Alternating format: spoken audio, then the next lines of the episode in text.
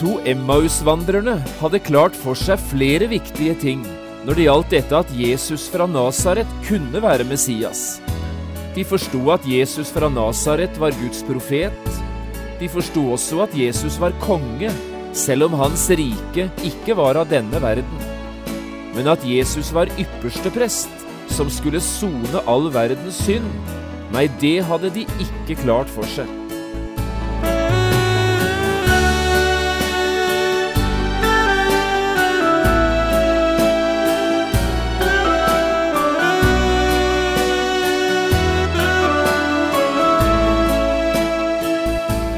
Hjertelig velkommen til et nytt program i serien Vindu mot livet. Programmet er produsert av Kristen Riksradio og blir ledet av Jon Hardang. Kristen Riksradio drives av frivillige gaver. Vi er glade for din støtte.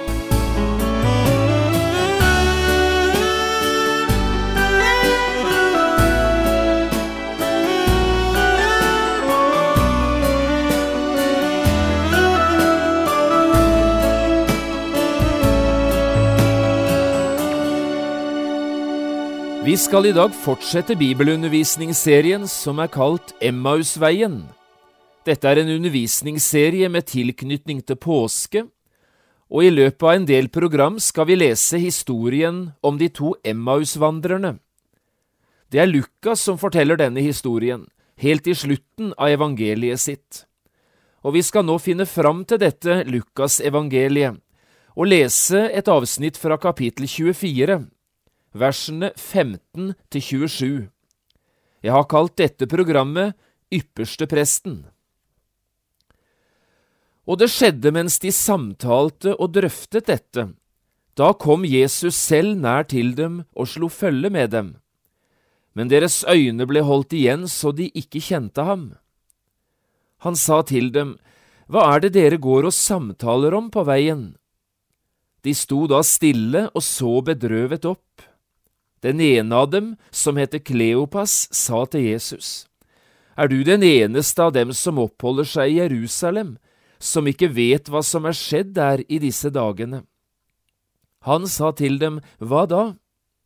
De sa til ham, Det med Jesus fra Nasaret, en mann som var en profet, mektig i gjerning og ord for Gud og hele folket og hvordan våre ypperste prester og rådsherrer overga ham til dødsdom og korsfestet ham. Men vi håpet at han var den som skulle forløse Israel. Men eh, nå er det all tredje dagen siden disse ting skjedde. Men så har også noen av våre kvinner forferdet oss. Tidlig i dag morges var de ute ved graven, men de fant ikke hans legeme.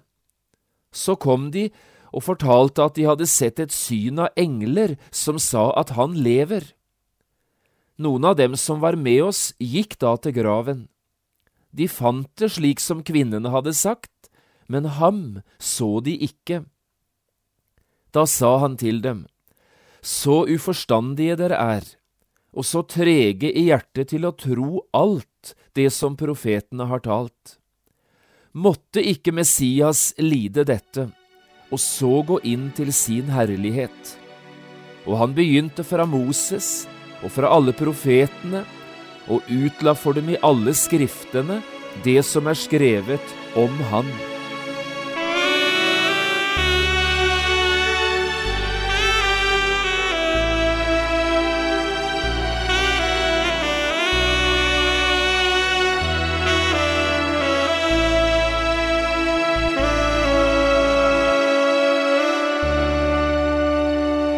Den viktigste nøkkelen for oss å bruke om vi virkelig skal få tak i historien om Emmaus-vandrerne, det er ordet Messias.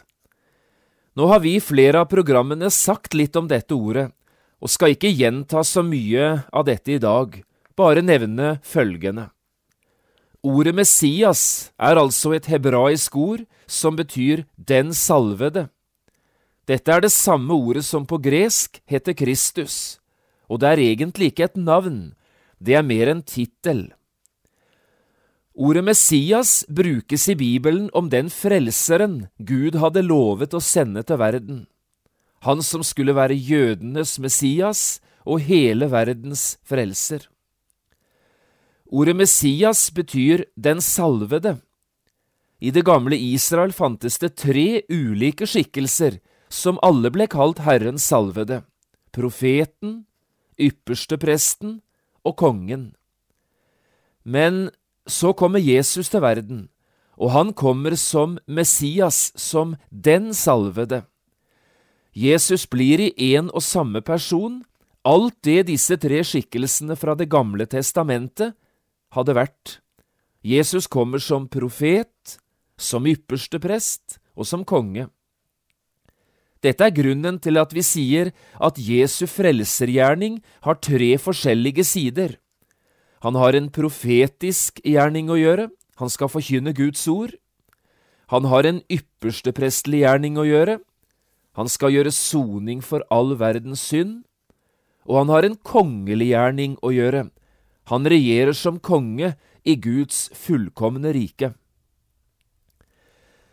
Når vi hører det de to Emmaus-vandrerne setter ord på etter at Jesus har begynt å snakke med dem, så forstår vi at de hadde klart for seg de fleste av disse tingene. De forsto at Jesus var en profet. De forsto også at Jesus var konge, selv om han hadde sagt at hans rike ikke var av denne verden. Men at Jesus var ypperste prest, en som var kommet for å gjøre soning for all verdens synd. Nei, det hadde de ikke klart for seg. La oss bare høre hvordan Emmaus-vandrerne selv ordlegger seg i samtalen med Jesus. Jeg tenker på avsnittet fra vers 19 til 21. Det begynner med at Jesus spør, Hva er det dere går og samtaler om på veien? Og det er Kleopas, en av disiplene, som nokså forundret svarer, er du den eneste som oppholder seg i Jerusalem, som ikke vet hva som er skjedd der i disse dagene? Hva da? spør Jesus. Og så kommer det, og nå skal du legge merke til hva disse to Emmaus-vandrerne sier. Dette med Jesus fra Nasaret, en mann som var en profet, mektig i gjerning og ord for Gud og hele folket. Hører du, de har altså forstått at Jesus var en profet. Men så fortsetter de. Og hvordan våre ypperste prester og rådsherrer overga ham til dødsdom og korsfestet ham. Uten at de selv er klar over det, så er det nå ypperste presten de beskriver, han som skulle dø til soning for all verdens synd. Men dette med Jesu død hadde de altså store problemer med, de forsto det ikke. Og så kommer vers 21. Men vi håpet at han var den som skulle forløse Israel. Hører du hva de håpet på? De håpet at Jesus fra Nasaret var den frelserkongen som skulle komme. Emmausvandrerne visste altså både hvem og hva de håpet på. De ventet på Messias, Guds salvede, på ypperstepresten, på profeten og på kongen og det vanskelige punktet for dem å få tak i, det var dette med Jesus som ypperste prest. Derfor var nok dette både det viktigste, men også det vanskeligste punktet for Jesus å snakke med dem om. Å påvise ut fra Det gamle testamentet at Jesus fra Nasaret var Guds profet, det var ikke det vanskeligste. Det så vi på i forrige program og vise ut fra Det gamle testamentet at Jesus også var den store frelserkongen som skulle komme. Det var heller ikke så komplisert. Det skal vi se i et senere program. Men å vise ut fra Det gamle testamentet at Jesus fra Nasaret var den store, nye ypperste presten, det var vanskelig, for her var disiplene helt blanke. Dette ligner nokså mye på noe Jesus en gang tidligere hadde opplevd i møte med de tolv disiplene. Jeg tenker på det som skjedde den dagen da Jesus og disiplene befant seg helt oppe i nord, ved Cesarea Filippi. Her spurte Jesus dem om hvem folket trodde han var, og så hvem de selv mente at han var. Denne historien står i Matteusevangeliet og kapittel 16. Folket, svarte disiplene, de har mange meninger, mange forskjellige svar. Men når det gjaldt disiplene selv, var det ingen tvil. Peter gjør seg til talsmann for hele disippelflokken og sier, Du er Messias, den levende Guds sønn. Og Jesus gir Peter rett. Hvordan hadde disiplene oppdaget dette? Jo, det er heller ikke så vanskelig å forstå. For det første, de hadde hørt Jesu forkynnelse og sett alle hans undergjerninger. Og så forsto de Jesus fra Nasaret er virkelig en Guds profet. Og så hadde de for det andre hørt Jesus tale om himlenes rike, og dermed forsto de at Jesus var kongen i dette riket, selv om hans rike altså ikke var av denne verden. Dermed var konklusjonen klar. For disiplene var Jesus fra Nasaret Guds Messias. At det siden ganske raskt igjen gikk galt for dem, når Jesus begynte å tale om sin lidelse, død og oppstandelse, det er en helt annen sak. Og aller verst ble det da Jesus ble arrestert og dødsdømt, mishandlet og korsfestet. Da gikk det helt i stå for disiplene. Så heller ikke de tolv hadde altså dette klart for seg, dette med Jesu død og hans oppstandelse. Og det er på samme måten med de to Emmaus-vandrerne. Det vanskeligste punktet var dette med Jesu lidelse, hans død og hans oppstandelse. Eller sagt på en annen måte, det vanskeligste var Jesu ypperste prestlige gjerning. Det vi derfor nå skal gjøre i de neste programmene, er å prøve å svare på følgende spørsmål. Hvor i Det gamle testamentet er det forutsagt at Messias skulle lide og dø? Hvor i Det gamle testamentet var det varslet at Messias skulle være Guds ypperste prest, og gjøre soning for all verdens synd. Dette er omtalt mange ganger og på mange måter gjennom hele Det gamle testamentet, og vår oppgave nå, det er å gjøre en tilsvarende bibelvandring som den Jesus må ha gjort da han veiledet de to Emmaus-vandrerne inn i det som står om Messias' lidelse, død og oppstandelse.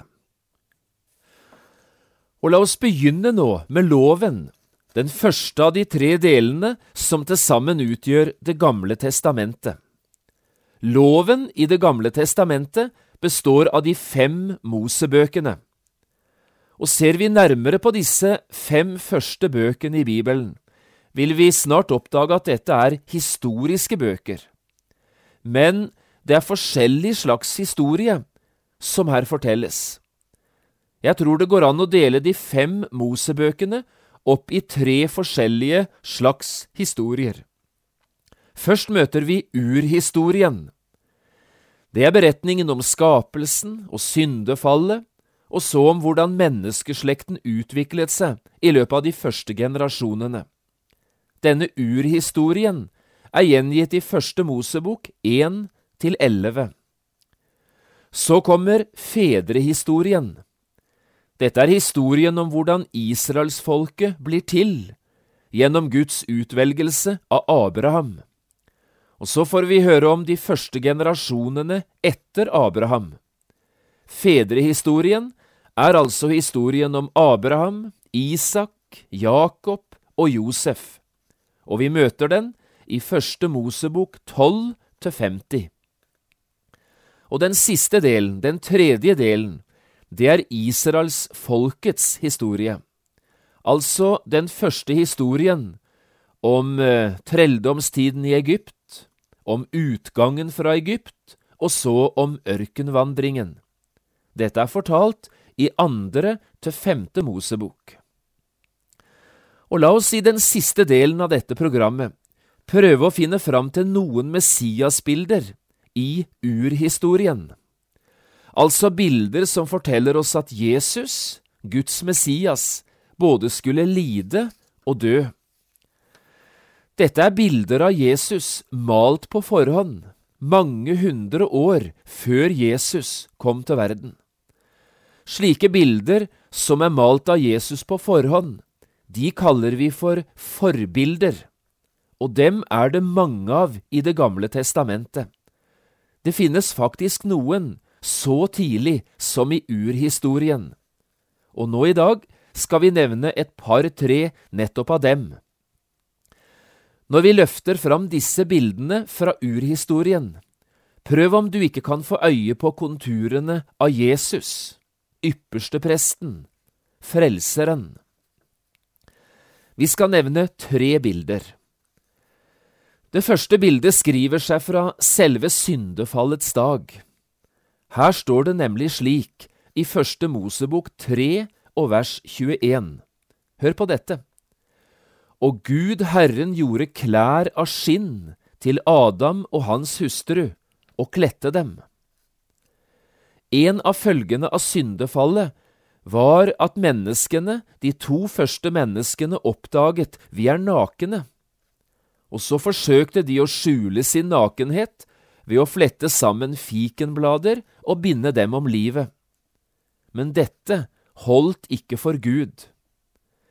Dermed tok Gud selv ansvar for å gi menneskene en ny drakt. Det gjorde han ved å kle dem i klær av skinn, leste vi her. Skinn får du bare gjennom levende dyr som blir slaktet eller drept. Det må bety at den første død som fant sted i vår tilværelse, det var en død som Gud selv sto ansvarlig for. Gud brukte kniven og drepte ett eller flere uskyldige dyr, for på denne måten å være god imot og kle opp igjen sin kjæreste skapning. Den første død i tilværelsen var en stedfortredende død. Og du ser stedfortredertanken med en gang, gjør du ikke? Det andre bildet er bildet av Kain og Abel, slik vi møter det i Første Mosebok fire. Her står det slik om en dag da de to brødrene skulle bære fram sine offer for Gud, for at han skulle ha behag i dem. Vi leser det slik i vers tre og fire. Da en tid var gått, skjedde det at Kain bar fram for Herren et offer av markens grøde. Abel bar også fram et offer, som han tok av de førstefødte lam i flokken og deres fett. Og så står det videre, og Herren så til Abel og hans offer, men til Kain og hans offer så han ikke. Hvorfor det, kunne vi spørre. Jo, nå skal du høre. Kain bar fram for Herren noe av markens grøde. Han bar fram et resultat av sitt eget strev. Han stolte på sitt eget verk og på sine egne gjerninger. Bibelen snakker om Kains vei. Da handler det alltid om egenrettferdighetens vei, og den veien har aldri ført et menneske inn under Guds velbehag. Abel derimot, han slaktet ett eller flere uskyldige dyr, og gjennom å drepe uskyldig liv erkjente Abel to ting. Lønnen for mine synder er døden. Men når et uskyldig liv gis det soning for synderen, ja, så kan den som er skyldig, selv gå fri. Dette gjorde Abel i tro, sier Hebrebrevet 11,4.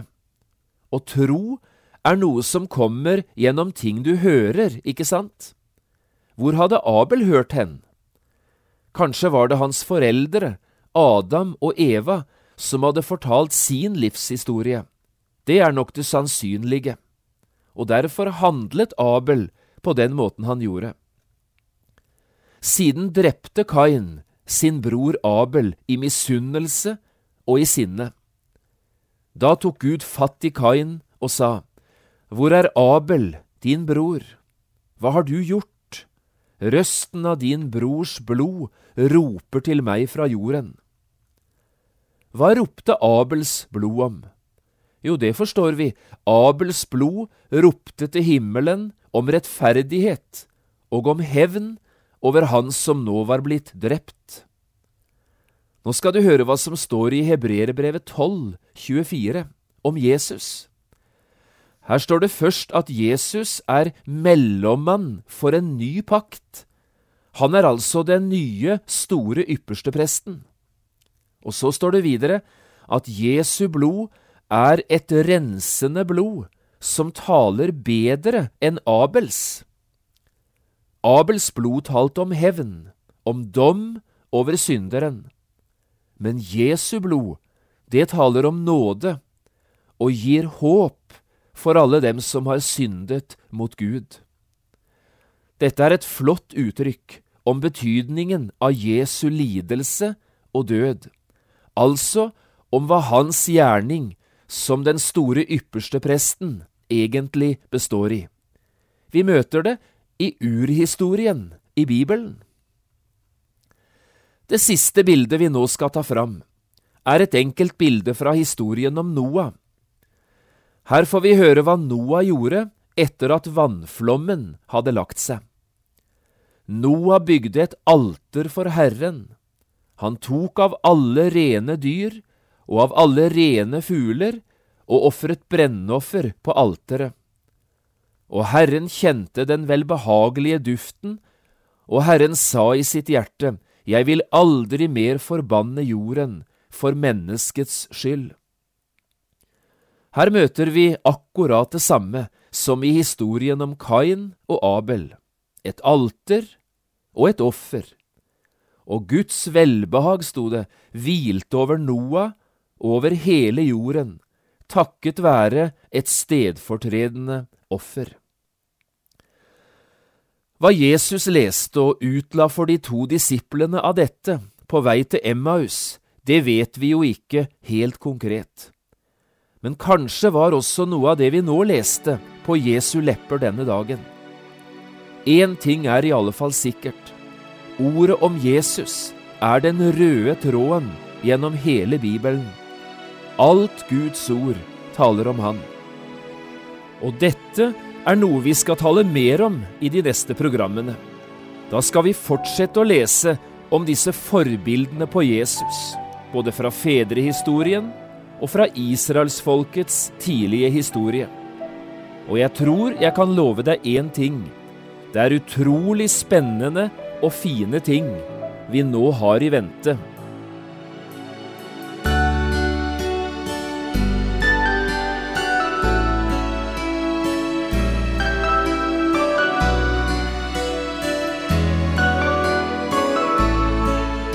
Du har hørt på et program fra serien Vindu mot livet med John Hardang. Programmer i denne serien kan også kjøpes på CD fra P7 Kristen Riksradio, eller høres på internett på p7.no. Har du spørsmål eller kommentarer til det du nå har hørt, kan du ta kontakt med oss på telefon.